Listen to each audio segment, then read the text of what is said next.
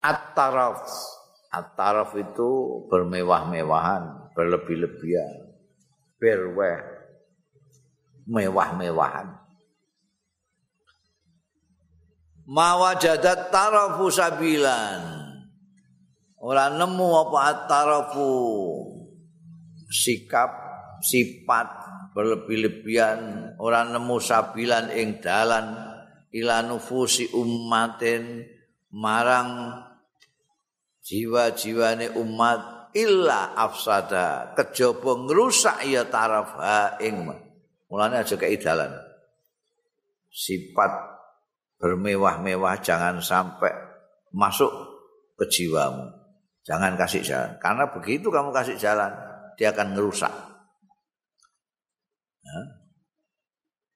Wa ja'ala islanison dadekno ya taraf alia sa'adatiha ing luhure kebahagiaane umat didadekno safilah ana ing sak ngisor-ngisore.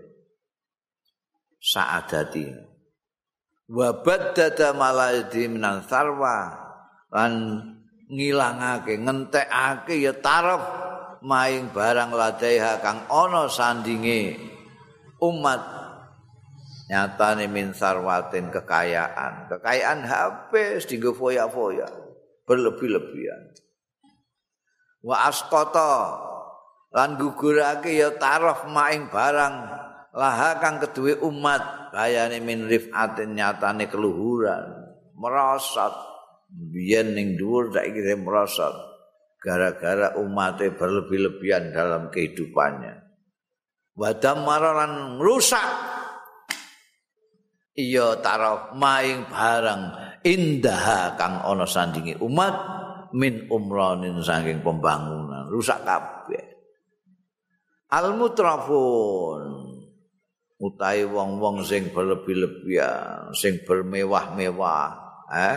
Nganakno ulang tahun ae ning hotel berbintang. Sawur sewengi sewane pitung yuta. Eh?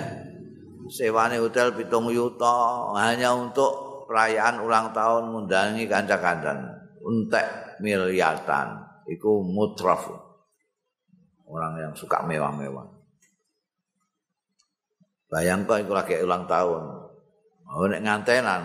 Masya Allah. Ana sing ngantenan undangane 8000 iku ngantek gak ana gedung sing muat ning lapangan. Mutrafun al mutrafuna fi kulli ummatin ing dalam setiap bangsa umat. Setiap masyarakat itu tafsudu ngerusak. Rusak, tafsudu rusak apa akhlakuhum, akhlake mutrafun. Wong mesti rusak akhlake kalau suka ngono. Bima yaksuru, soalnya golek duit gampang. ngetoknone ya gampang. Gampang piye? Kayak urek-urek ngono ae. Nambahin nol barang ngono, urek-urek-urek nambahin nol. Sak yuta dari sak miliar.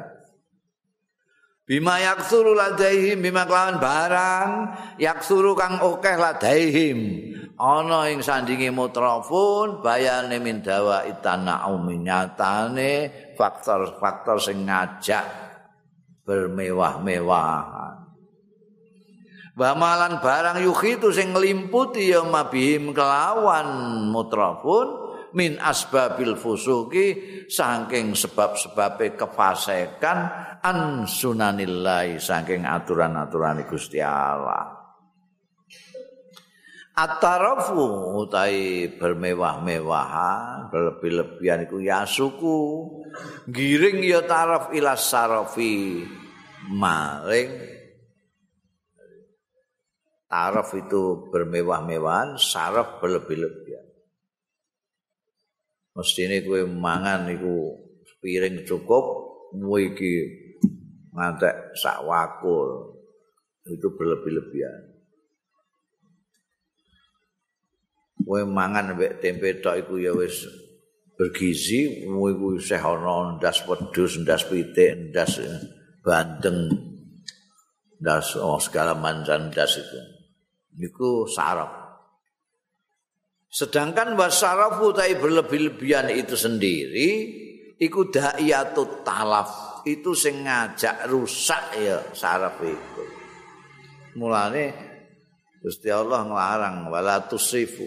Kowe boleh makan kulo, boleh minum wasrafu, tapi wala tusifu. Coba lebih-lebihan, rusak. Fal mutrafuna mongko utahe wong sing bermewah-mewah niku du'afaul ukul iku. Dan akale lemah. Lemah-lemah akale. Du'afaul jusum, lemah-lemah jisim itulah awake lho, potongane kaya ora sehat. Hah? Karena bermewah-mewah itu mesti kena kolesterol, kena asam urat, kena bangsa ngono-ngono kuwi. Wong ini pangkane pokoke sing enak, sing lenyem-lenyem ngono kae. Eh? Sing dipangan sing ora-ora. Hmm. Iku jane ora pantes ya. Kaya wong Indonesia bermewah-mewah itu gak pantes. Wong isih durung negara maju, isih negara berkembang. Nah. Kowe ku delok ah, ngene ning gone Singapura.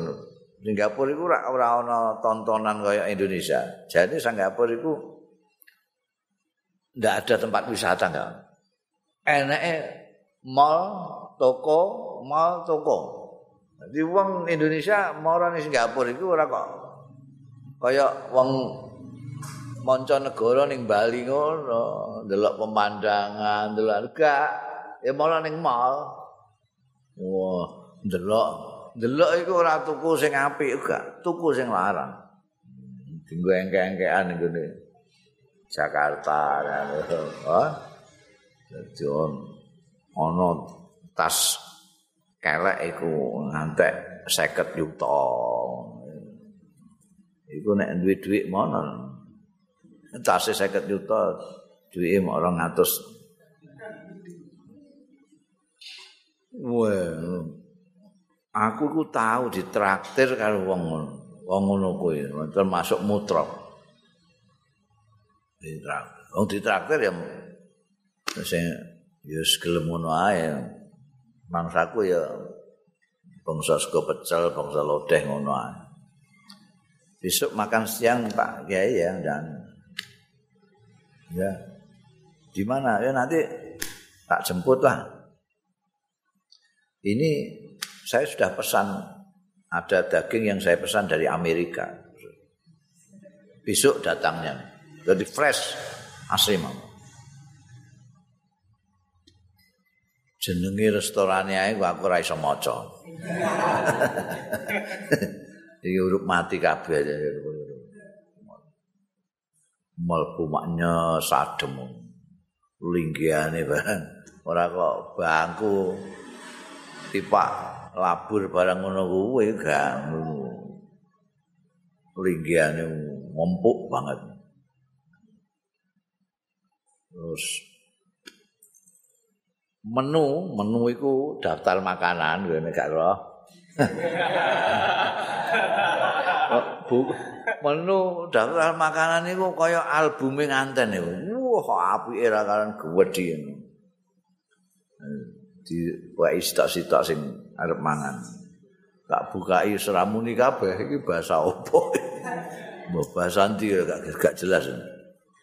Terus tak keletak nonek. Nah, sampai pilihkan saja lah saya. Sampai yang biasa. Aku. Ya ini yang penting yang ini. Ini yang saya pesankan kemarin. Ini dari Amerika.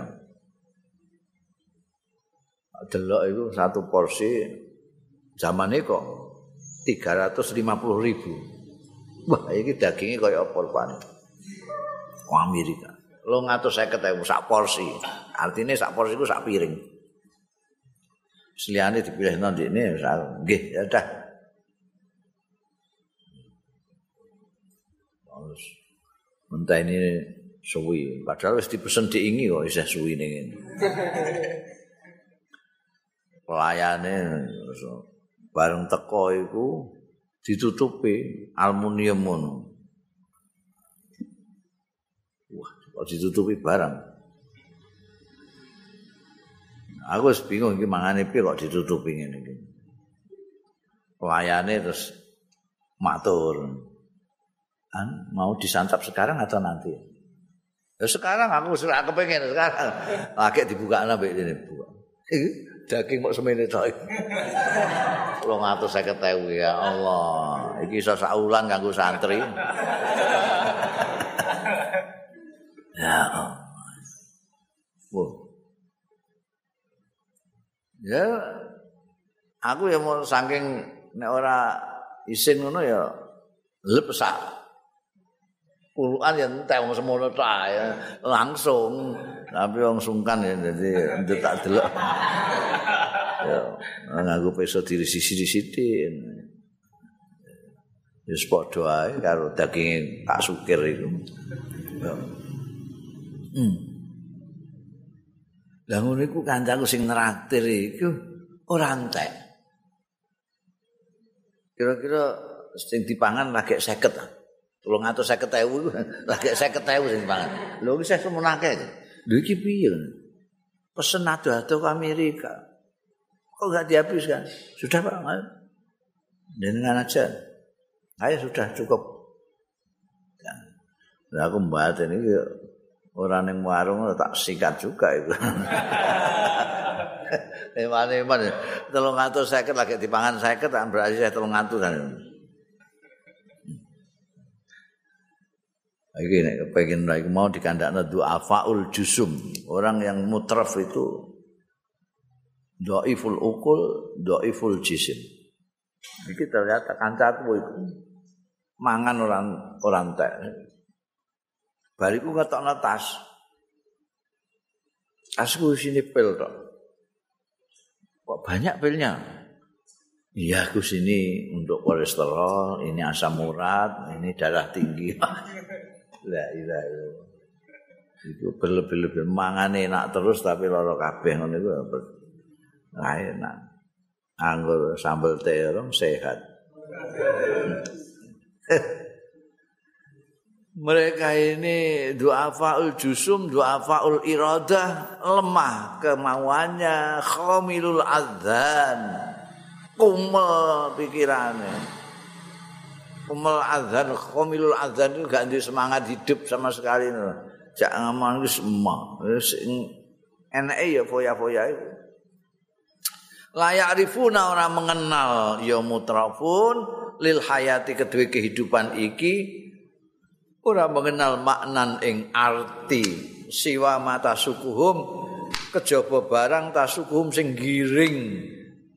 Hum ing mutrafun ilahi marang ma apa asyahawatu kepinginan-kepinginan al hayawani sing bangsa kewan bangsa mangan iku. Iku tok ngerti ini kehidupan artinya ya mangan. Mangan sing enak-enak wa tadfa'uhum ilaihi ladzatul bahimiyah lan sing dorong ilai mereka sing dorong mutrafun ilaihi marang ma apa aladzatul bahimiyatu kelazatan-kelazatan sing bangsa kewan. Ya, kewan senengane suket dan ini ya mangan apa lah kono godhong-godhongan apa. Falayas auna lima yufidul umma. Wis ora kepikiran blas falayas auna mongko ora tumandang ora berusaha. Ya mutrafun lima kanggo barang yufidu sing maedai ma al ummata ing umat kok mikirno umat barang lha apa rakyat wong wakil rakyat ora mikirno. Kowe meneh mikirno. Pikirno wetenge to ilate wala yufakirun ora mikirno ya mutrafun. La ora mikir-mikir fima ing dalem barang. Yakmuru sing iso makmurake ya ma'al bilada ing negeri. Ora ya. Seorang bukan mikir majukan negara barang seorang fal ma'rufu indahum mangkur. Mutai sing jenenge ma'ruf indahum mungguwe mutrafun iku mangkur sing diingkari iku. Wal mangkur utai sing diingkari iku masyhurun masyhur. Omben-omben main judi, terus piknik ning gone Texas, sambung sing ngono-ngono. Cukur rambute ning gone Hong Kong ngono. Ngisi ngene ngene Hollywood. Wal khairu makbulun sing apik-apik terkubur semua. Wasarru mansurun. Kejahatan malah muncul mansurun dikembangkan. Fa in tahu mongko lamun ngajak sira hum ing mutrafun li takhfifi musabil asqiya kanggo ngentengake penderitaane wong-wong sing sengsara. Wa tajfifi damatil fuqara fuqara lan mbok jak mengeringkan air matanya orang-orang miskin. Wa badril mal lan mbok jak mengorbankan harta. Li taklimil juhala kanggo mulang wong-wong sing bodho. Qasat khuluquhum. Mongko klolot kaya klolot napa khuluquhum goroane enak khuluq iki kene apa kene? Kalau monggo apa? Kalau menjinge. Uh mbok apa? Mbok jak nulungi wong pikir-pikir iku masyarakat menelan. Ngelak ya mutrafun birikihim kelawan idune. Hmm. Wa amalulan nengklengake ya mutrafun anaqahum ing gulu-gulune walau ruusahum anyondongake malingake ya mutrafun ruusahum ing sira-sirae mutrafun mbok nulungi wong sengsara mbok menghibur orang-orang melarat, bocah bantu wong-wong bodoh. Hmm. Berpaling enggak mau. Padahal dia punya banyak harta. Kok tahu banyak? Jadi ini berfoya-foya itu kan membuk menghabiskan harta banyak. Tapi dengan nasarapno bandane kanggo nulungi dulur-dulure umate rakyate masyarakat sing butuhkan itu berpaling enggak tahu tapi wa intulibu lamun dituprih diminta ya mutrafun libadril amwali kanggo menehake ngorbanake bondo-bondo fisafiril afali yang dalam rendai piro-piro perbuatan istabaku balapan mereka mutrafin mulabina. Ini ini untuk untuk nanti ada pesta semalam suntuk pak kita mendatangkan penari-penari dari Meksiko dari ya, penari pro dari Mesir kita datangkan minuman-minuman dari Prancis yang abad tahun berapa. Oh itu di mana itu? Kapan itu? Ya saya bantu saya bantu. Wah disik-disikan wong-wong kembang. Wa aqdamulan do maju ya mutrafin musliina cepet-cepetan, hale cepet-cepetan.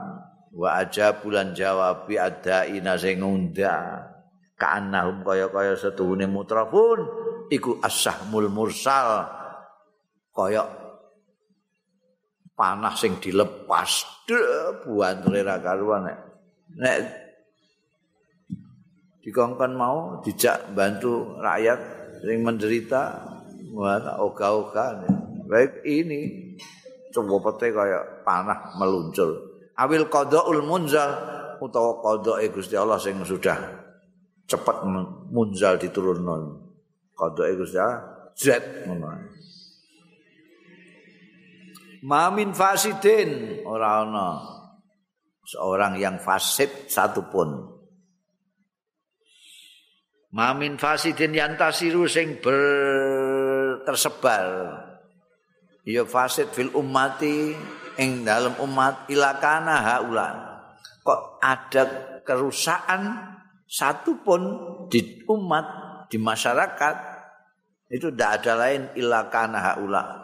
Kejaba ana sapa haula ilmu trafun mengkono wong-wong sing suka foya-foya mau mansauhu sumbere fasid. Tidak ada kerusakan kecuali sumbernya dari mereka ini, mutrafin ini. Wa ma min baliyatin lan bencana. Tahulu biya.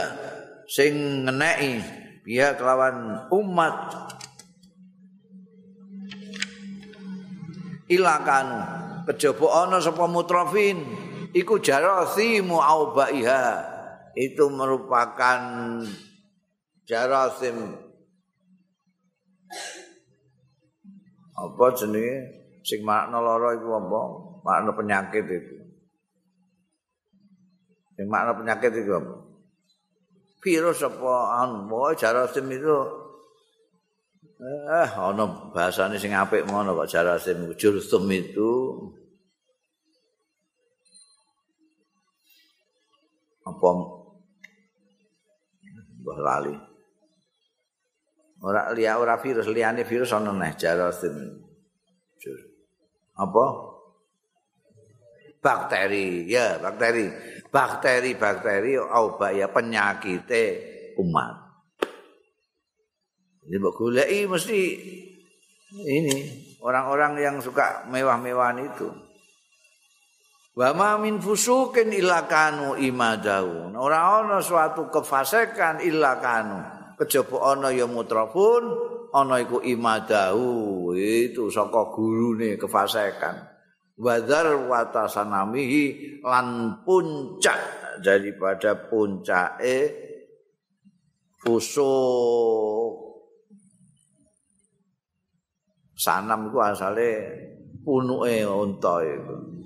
Dalwah sing dhuwur dhewe puncaknya sanam ya ana kepasekan pimpinane sedikne ngono ae. Innan nufusa satuhune jiwa-jiwa la tadri bisyahwat. Nafsu-nafsu iku mesti la tadri bisyahwat. Apa jenenge? Condong. Condong ya nufus bisyahwati kelawan keinginan-keinginan syahwat-syahwat. Hatta tastahwidha alaiha sehingga menguasai sira alaiha ing atase syahwat harus dikuasai nek ora. Fala tatruku fiha manfaatan. Fala tatruk mongko aja ngumbalno sira aja ninggal sira fiha ing dalem nufus manfaatan ing lubang untuk masuk manfaat itu untuk menembus illa wala jatuh fala tatruk ora ninggal ya nufus. Fiha ing dalam nufus.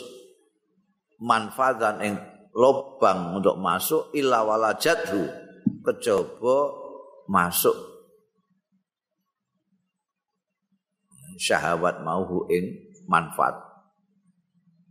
Soalnya nafsune wong itu kan kepengen iki kepengen iki kok nah iku mbok kei ruang untuk masuk langsung dia masuk.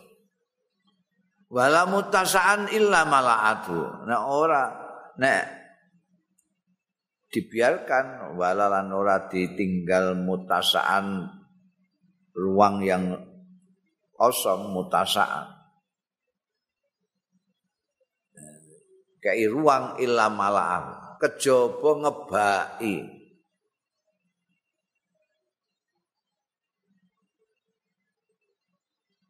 kejaba ngebai ya syahwat mau ing mutasaan wis padha dikebak ini Kenapa? Wa madzalika lan ora ana apa zalika mengkono-mengkono mau illa minat tarafi kejaba saking iku mau sikap mewah-mewah mau kepengen bermewah-mewah. Dadi ana sithik eh langsung saut. Fa innahu mongko sedune taraf iku yatu ngajak ya taraf ilat tabasuti. Maring. Tabasut. Ber Abbas itu beber iku sing ngombo sisan. Ber, berluas-luas fil maladzat berpuas-puas berlebih-lebihan. Fil malazati yang dalam keenaan-keenaan wa in nafsi lan menai nafsu al ammarati nafsu sing ammarah menai hawa ha kepinginan kepinginane nafsu amal sifat taraf itu sih ngejak wong untuk wah sepuas-puasnya menikmati kelazatan nafsu amarah dipenuhi semua keinginan-keinginannya itu taraf itu. Wa ijabatu muyuliha lan nijabai muyulaha. Wa ijabati muyuliha lan nijabai keinginan-keinginane nafsul amarah wa matalah hatil ummatu bi ahwaiha. Lan kapan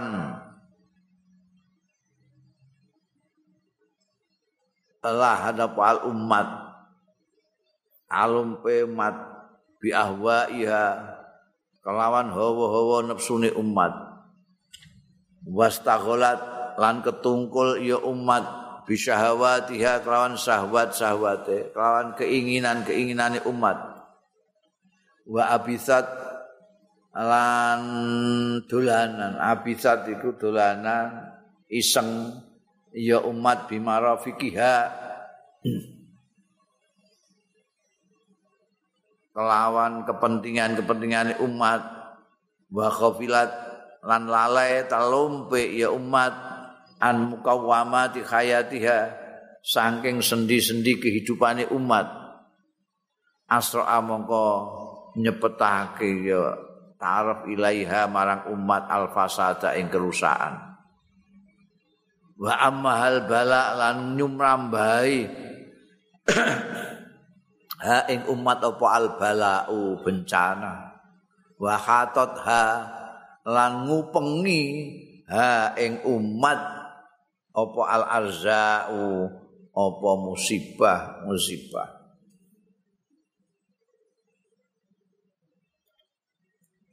Uj layangkan bitolfika klan pandangan ira. Nahwa al umam al khalia. Maring bangsa-bangsa kang dhisik sing mulia.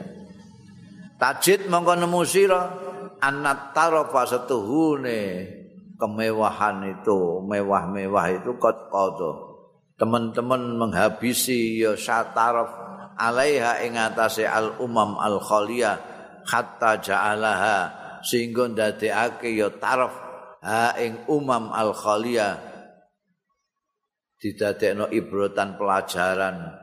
Liman kanggo wong yakti kang teka ya man ba'da sakwise al umamul khalia layangkan pandanganmu kepada bangsa-bangsa umat-umat yang lalu sing biyen-biyen. Bagaimana kemewahan telah menghancurkan mereka? Ini sampai bisa diutuk pelajaran Hadhi al-ummatur Rumania. Tapi iki bangsa Rom, bangsa Romawi. Wal ummatul Farisia. Dan bangsa Parsi. Wal ummatul Arabia. Dan bangsa Arab.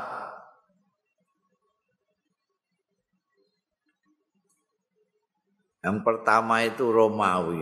Romawi itu merupakan adik kuasa pada waktu itu. Terus disaingi Parsi. Oh. Nek nek Romawi dipimpin Kaisar, neng Parsi dipimpin Kisra. Lalu muncul Islam.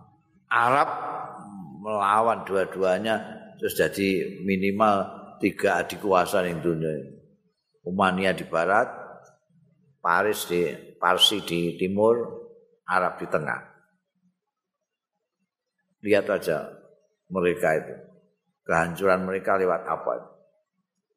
Fa'innaha mongko sedune bangsa-bangsa itu Rumania, Farisia, Arabia ba'da angkanat fi dzulal majdi sawise ana ya umat-umat itu fi dzulal majdi ing dalam puncaknya kejayaan wa sa'adati kebahagiaan qad hawa teman-teman meluncur ngeluncurake biha kelawan umam-umam tadi, umat-umat tadi, apa atarafu kemewahan ila makanin sakit maring panggona sing banget jerone wadoe Romawi dulu kayak gitu.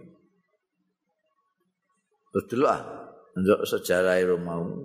Wah, kemewahan bareng makmur segala macam terus bermewah-mewahan ndak karu-karuan kan. Senengane adu banteng, adu macan karo wong, adu wong karo wong gladiator itu. Dinikmati karo apa jenenge? Harem-harem muangan ambekan nyokoti sempole ora sempole ayam sempole wedhus wah. Penganggu penganggu nganggu sutra-sutra ora terima watok tapi jubah sing lengsreh ngantek waduh mewah banget tuh. Jadi nek melaku diseret-seret ambek nyaponi lemah. Parsi juga gitu Arab melok-melok.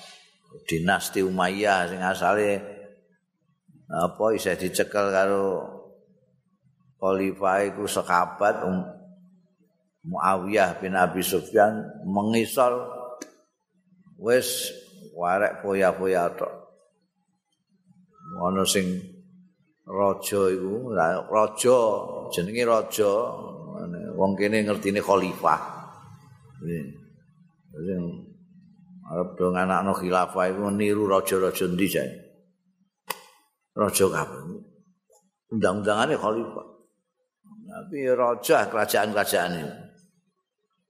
Wah ana raja sing bojone ngantek sewu. Padahal itu kan Arabia itu jadi ini itu Islam itu. Tapi kemewahan tidak cukup. Wong-wong saiki ku nek gak dikek ana dibatasi papa terus saumbruk-umbruk. Iku wis mulai rasukan taraf bahaya.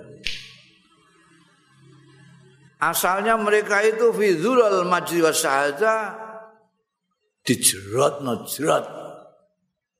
Roma karek puing-puingnya Parsis, karek puing-puingnya Arab saiki hancur mumul. Endi Arab sing Karek negara-negara Abu Dhabi kok saiki lagi kotor lagi tukaran be Saudi kan. Pokoknya ini Arab poya-poya sudah. ono kotor kuwait anu barang iku nek tuku mobil mekas ning di pabrik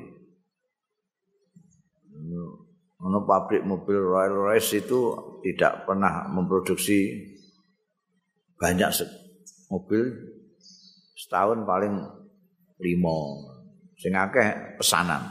Sing akeh pesen ya wong timur tengah kuwait wong Arab Arab kuwait Lalu gaekno mobil sing jabane emas. Sing jerone perak lungguane nganggo karpet. Oh. iku taraf iku nek ora mengambil pelajaran pendahulu-pendahulunya bar. Wa nazala biatabassut lan ngedunake apa tabasut berlebih-lebihan berluas-luasan fi hawa nafsi.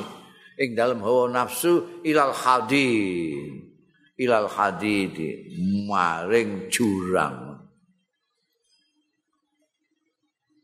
Masale kaya ngono hebate jegur juga Warubama kana hadza sabab mungkin ana apa hadza sabab iki sabab ana iku mamzujan ya bercampur. Ora kok mergo anane kemewahan-kemewahan iku tok. Mungkin campur bi kelawan liyane hadza sabab minal asbab saing pira-pira sebab mergo lemahnya penguasane dan tapi itu atau serang serangan dari luar adalah campuran dari sebab-sebab lain. Alati tatu sing ngajak ya lati asbab ilal inhilal maring udare bangsa-bangsa sing kaya mengkono kukuwe mau.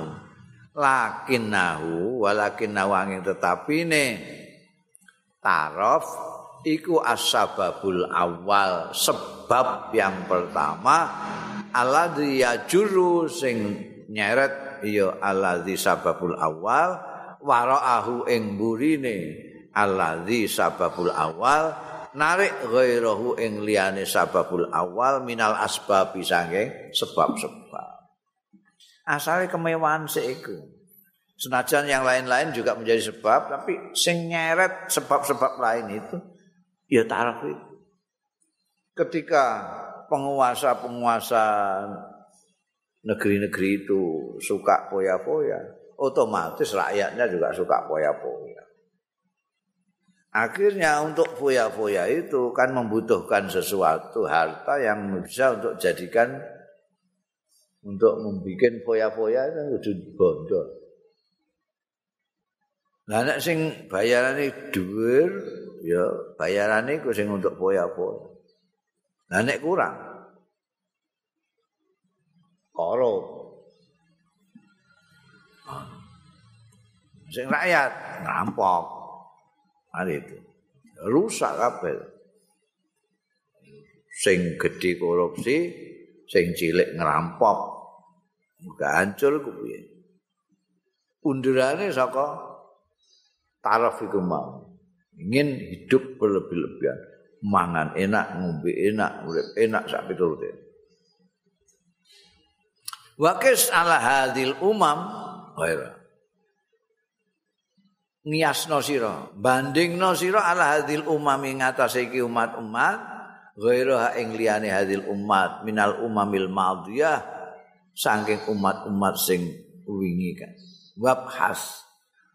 Lan nyelidikono sira tajid mongko nemu sira anna hadzal illah setune iki penyakit. Iya iya penyakit. Iku jusu matul jaras bakteri ini bakteri.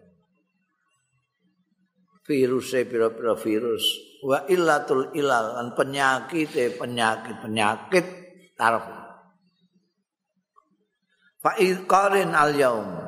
Bandingno al yauma ing dina iki baina akhlaki ahli badia antarane akhlake wong-wong desa. Wa akhlaki sukanil hawadir lan akhlake penduduk-penduduk kota. Wa qais. Lan bandingna sira baina jusumi haula antarane jisim-jisime, jasad-jasate ahlul badiyah, haula mengkono-mengkono wong desa. Wa jusumi ulaika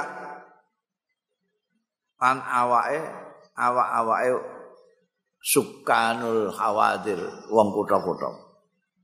Sumandur bandingno sumandur. Mongko kaya-kaya ningalono sira ilama indal badin maring barang indal badina sing ana ning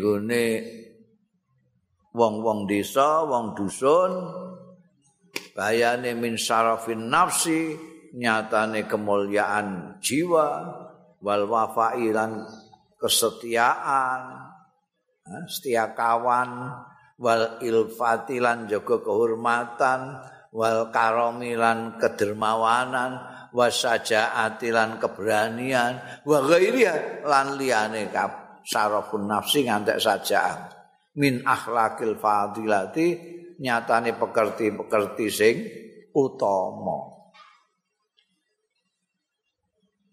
Wa ilalan ningalana sira ilama indah ula ilmu tamaddinin saiki ndelok sira barang indal haula ilmu tamaddinin sing ana sandinge wong-wong kutha min addadiha saking kosok wangsul kosok wangsule ahli desa iku mau. Wakum terus saiki putusana wakum mutusna ba'da zalika sakwise melihat sana dan melihat sini mau. Alama ing atase barang.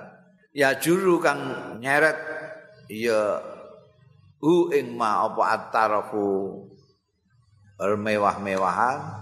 Alal insani ngatasi manusa minal amrati sing pira-pira penyakit fil akhlaq ing dalem pira-pira akhlak wal asamilan pira-pira cisim kowe kon kowe kon bandingno. Saiki bandingno. Kowe kepengin roh betapa bahwa bermewah-mewahan berlebih-lebihan dalam hidup itu merusak. Bandingno wong desa mbek wong kutha. Wong desa sederhana sekali tidak ada kemewahan-kemewahan. Terus umpak-umpakan, mangan yang restoran gede sing dipangan gaul. Kadang-kadang sing dipangan opo gak jelas. Wong jenenge menune ya gak jelas. Angger dindang diding ngono mergo duwe akeh. Duwe akeh mergo korupsi. Ning desa gak ono. Ning desa iku delok awake bendot-bendot. Ora kelambenan ora tahu masuk angin. Eh, padahal gak kelambenan jegur niku sawah iku mulai esuk sampai semono sampai awan ora kelambenan terus ora masuk angin blas. Wah sing ning kutha iku wis nganggo klambi wis nganggo desi jas-jasan saya masuk angin lah. Sifat-sifatnya wong desa. Harga dirinya setia kawane. Sing gawe omah tanggane ndekne melok dandan-dandan. Padahal mau dikai teh pahit sampean sego pencok ngono. Menjaga kehormatan melindungi tetangga dulur romane ra karuan. Kowe medayah ning gone wong desa durung ditakoki wis disugoi pendele ngono. Tengah wengi barang turu ning kuburan ya ora apa-apa. Bandingno saiki mek wong kutha. Eh. Wong kutha. Awake kuru-kuru, pucet-pucet. Pucet-pucet, uripe dhewe-dhewe ora tau ngurusi wong, tanggane matek ora roh dene. Wong kutha. Penting dekne iso pestapora awet. Modite ya setengah mati ora kaya wong desa. Di ditamoni ngono pertama kali ditakokno KTP. Dia kuatir nek dirampok. Desa ora ana pager barang gak ana ya saiki ae. Engko to pagere dhuwur-dhuwur. Wis pagere dhuwur-dhuwur, dhuwur temboke ngono dikai beling-beling ngono. Ben kowe ora iso mencolot terus. Wong desa terbuka, memang mlebu omah wis kono. Nyolong apa kowe ini? Tapi yang diceritakan beliau ini iku biyen. Saiki iki desa wis diserbu mbek kota. Wong desa diserbu kota. Malah akeh wong desa sing ora garap sawahe mlayu ning kota. Padahal ya tidak lebih terhormat ning kutha itu. Ning desa jadi petani, berkuasa atas tanahnya sendiri. Tapi ning kutha ndekne tukang batu paling ada. Ha, dibayar wong tergantung macam. Ngono mulai terus guaya nganggo slono jin nggo radio transistor puter buantre ra karo pamerno tangga-tanggane tanggane terus do ngrubung kok iso muni banter? Apik ngono ya? Iso nyanyi ya? Demek oleh Kang. Demek oleh oleh. Wah bangga den terus kancane ana sing kepengin ning kutha. Ben kaya ngono. Menjadi urban. Ngono semanggon ning pinggir-pinggir kali. Suwe-suwe terus digusur karo pemerintah daerah. Amen mulai ning desa wis isin. Tanahe didol ambek Cina-Cina iku. Didekno pabrik-pabrik. Eh. Saiki parah. Nek biyen wah desa itu top desa, eh? Apa meneh iku ditunggoni karo kiai-kiai pesantren-pesantren ning kutha pesantren kene tok iku. Pesantren desa. Mulane kene gak payuan mergo Ora pesantren ning kutha. Gak ono pesantren ning kutha. Oh nganggo jeneng barang rada talibin barang iku kutha iku. Nah ning gone pesantren sing desa-desa ora. Kebuyeng, Lirboyo, Jenanyar, tambak beras, Loso, Krapia, ya jenenge desane. Jenenge bangga mereka dengan desanya. Saiki ae cah saiki wah dikai jeneng. Radatu Talibin. Supaya ora padha Radatu Tulab. Eh sadul apa ngono macam-macam lah pokoke gaya. Biyen ning kene ana pondok jenenge Pondok Kasingan ngono ae manggone ning Kasingan ngono. Ya desa. Orang-orang desa itu nek mbok banding sampai wong kutha itu terus mbok jejerno nganggo cermin Kanjeng Rasul sallallahu alaihi wasallam ajarane Kanjeng Rasul. Oh iso banding. Iki ajarane Kanjeng Nabi. Mangkana yu'minu billahi wal yaumil akhir fal yukrim jarahu. Sing apik karo tangga iki wong kutha apa wong desa?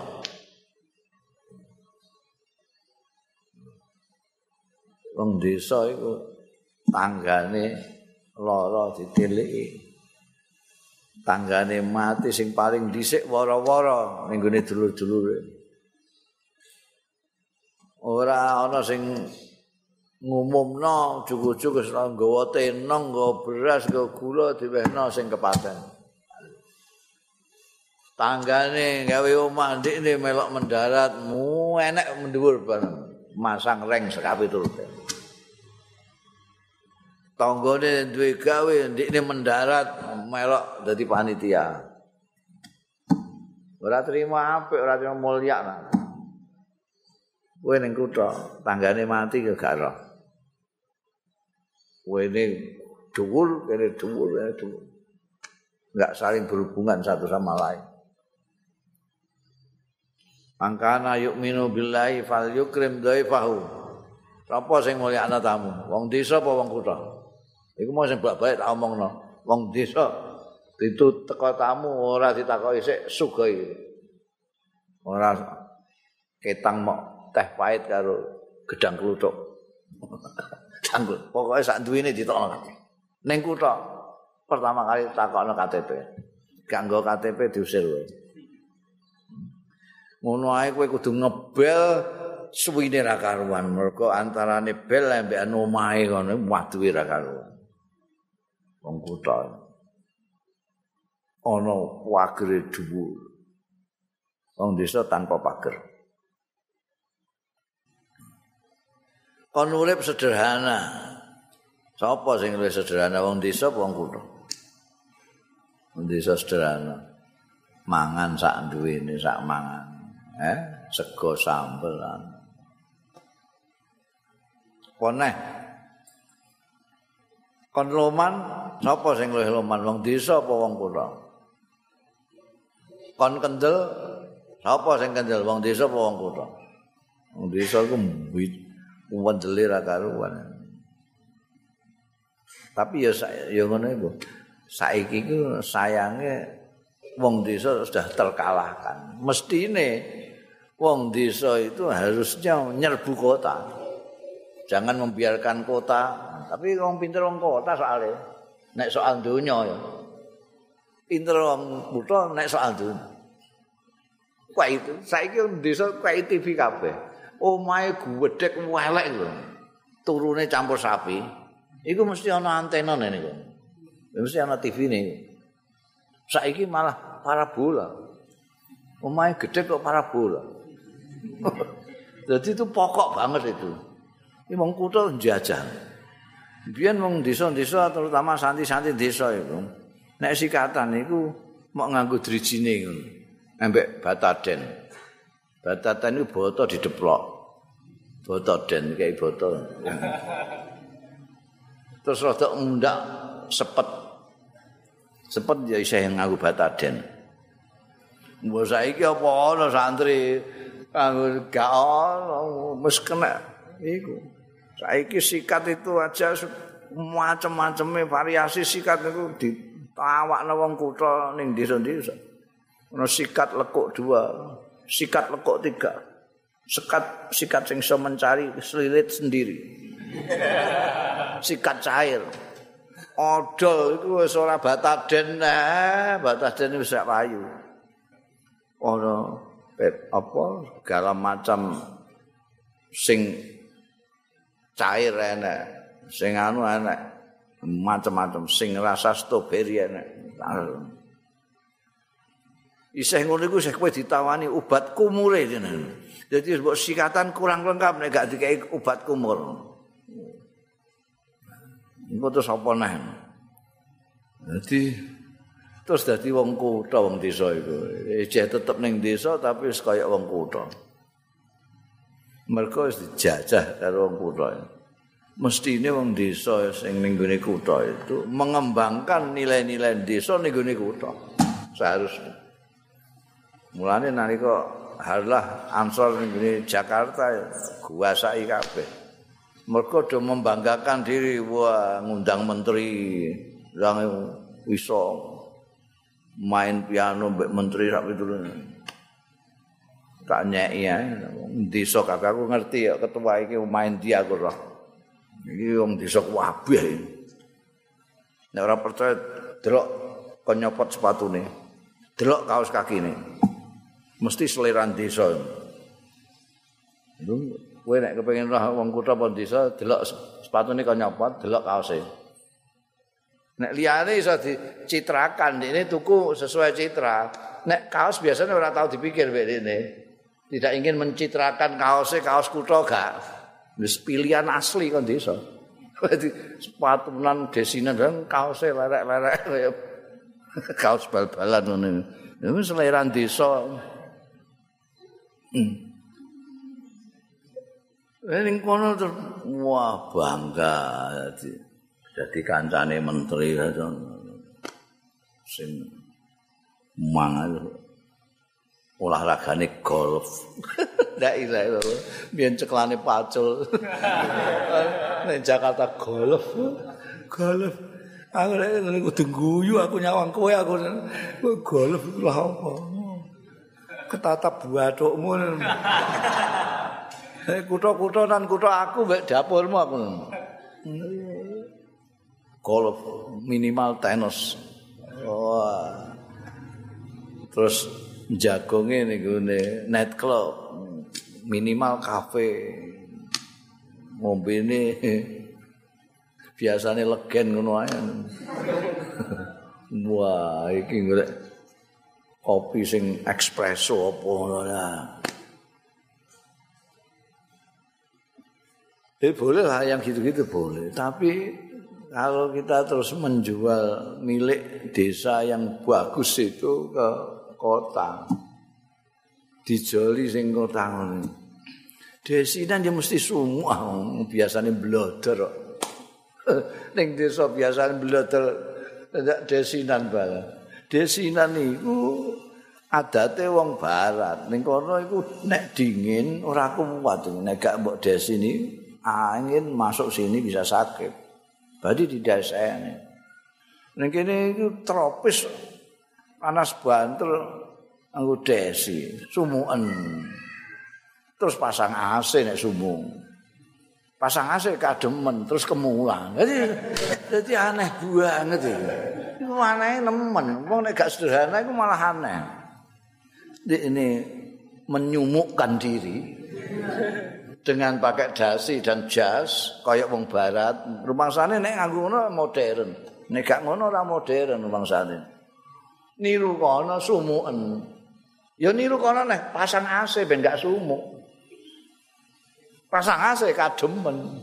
Terus kemulan balik kaya kowe ning desa biyen nek katisen ngono kuwi. Aku greget wong desa itu saya harapkan ning desa ning kutha jajah kutha kuwi dijajah nilai-nilai desa gawa ning kutha aja kok ngimpot kelakuan kutha sing gak genah iku ning gone desa. Kowe nek ning kutha ya ning kutha tapi gawa nilai-nilai. Nilai-nilai pesantren gampangane ngono ae. Pesantren gawa ning kutha, aja kok katut mek wong kutha. Hah? Kandhani ya ngono. Aku ya wong desa ning kutha gak gelem aku. Aku ning kutha ya kudu nawak-nawak non desaku ning kutha. Gelem ya ngono, gak gelem ya.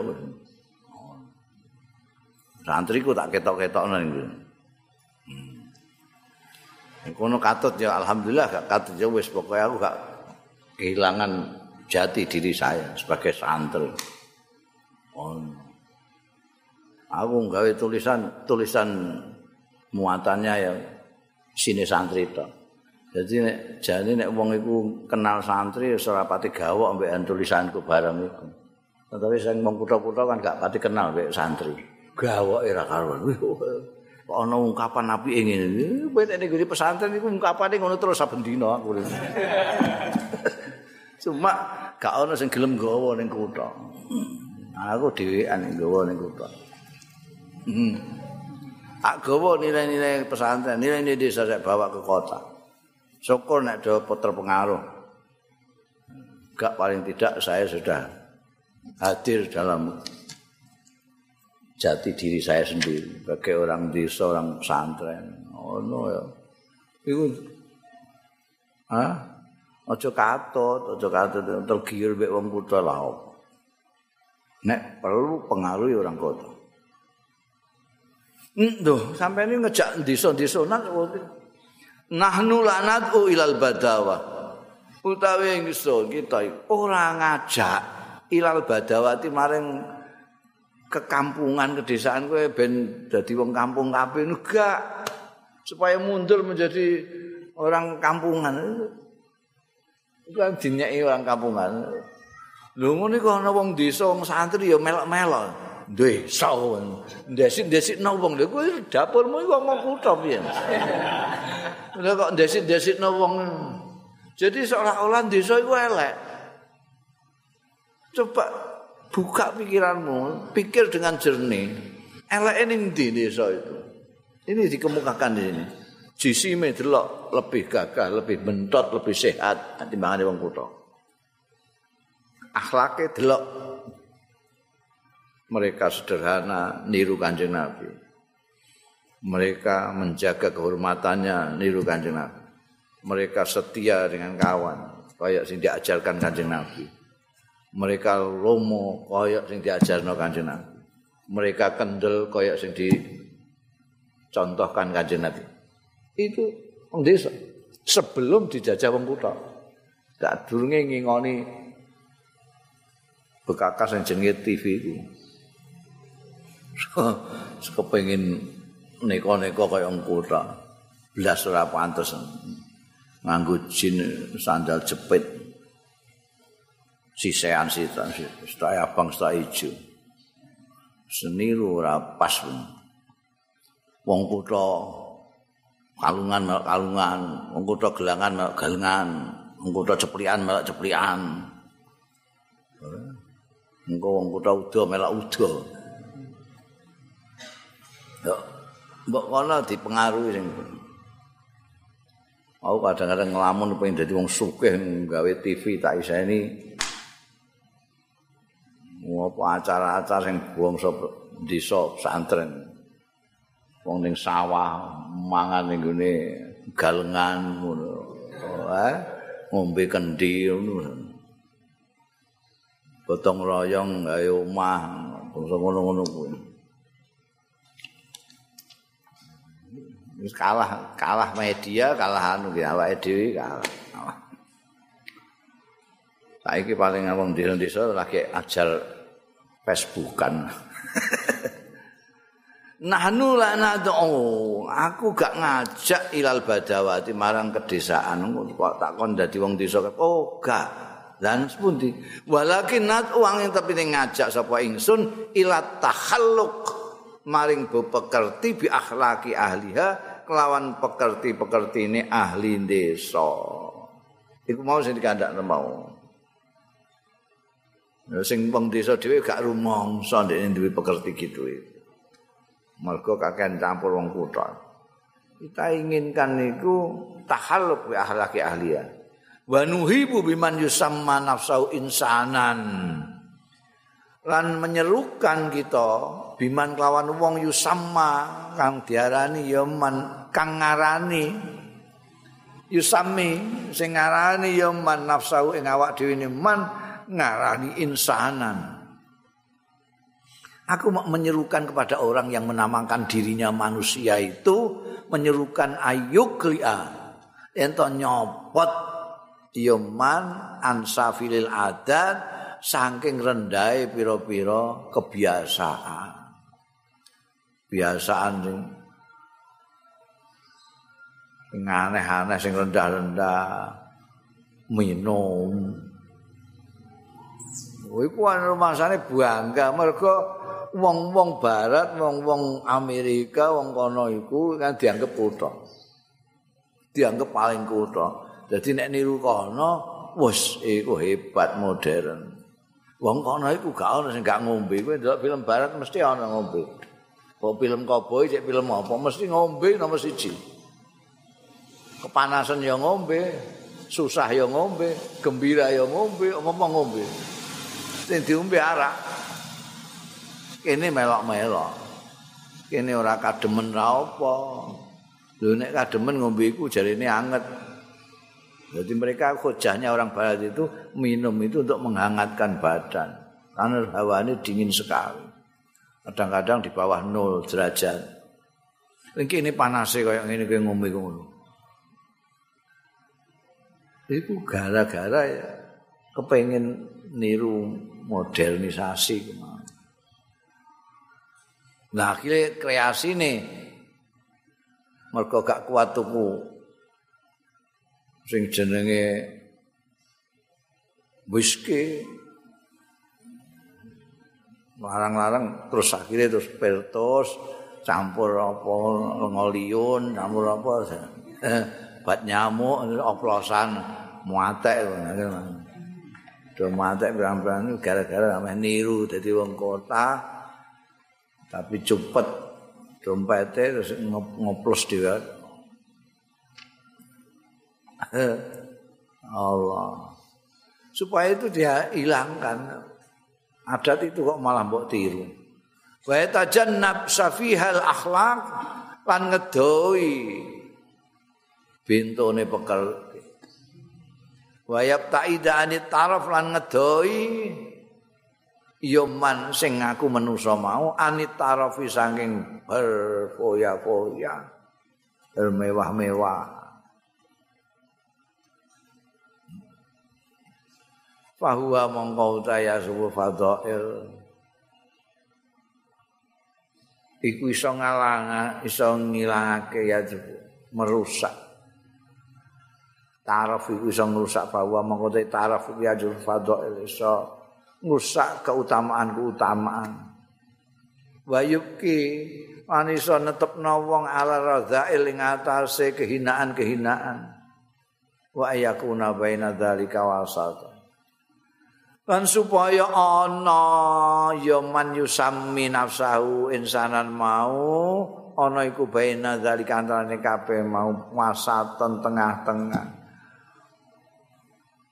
aja medit aja berwe kae layaku na amru fuluton supaya ora ana apa amru perkarane man yusami nafsau insanan mau ora ana iku furuton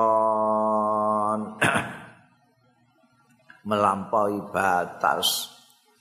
Patanabahu mongko sadaro sira kabeh ayuhan nasiun wae anak-anak muda yang baru tumbuh. Ilama yuhitu bikum kamu harus awas sadar. Ilama maring barang yuhitu sing nglimputi ya mabikum kelawan sira kabeh. Min sibail maladzati saking satu galake kelazatan kesazatan kelazatan kelazatan itu dipadakno karo satu galak yang mau menerkam kamu. Karena keenaan-keenaan itu kalau sudah menerkam kamu terus kamu kepengen enak-enakan terus berfoya-foya itu wa ma yakhutukum lan barang sing nglimputi ya makum ing sira kabeh min dawari syahwat saking ngerusak-ngerusake syahwat-syahwat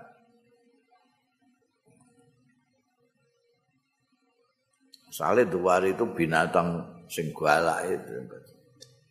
Syahwat-syahwat itu di tamsilno kaya ngono kuwi. Hati-hati kowe dikelilingi dengan itu.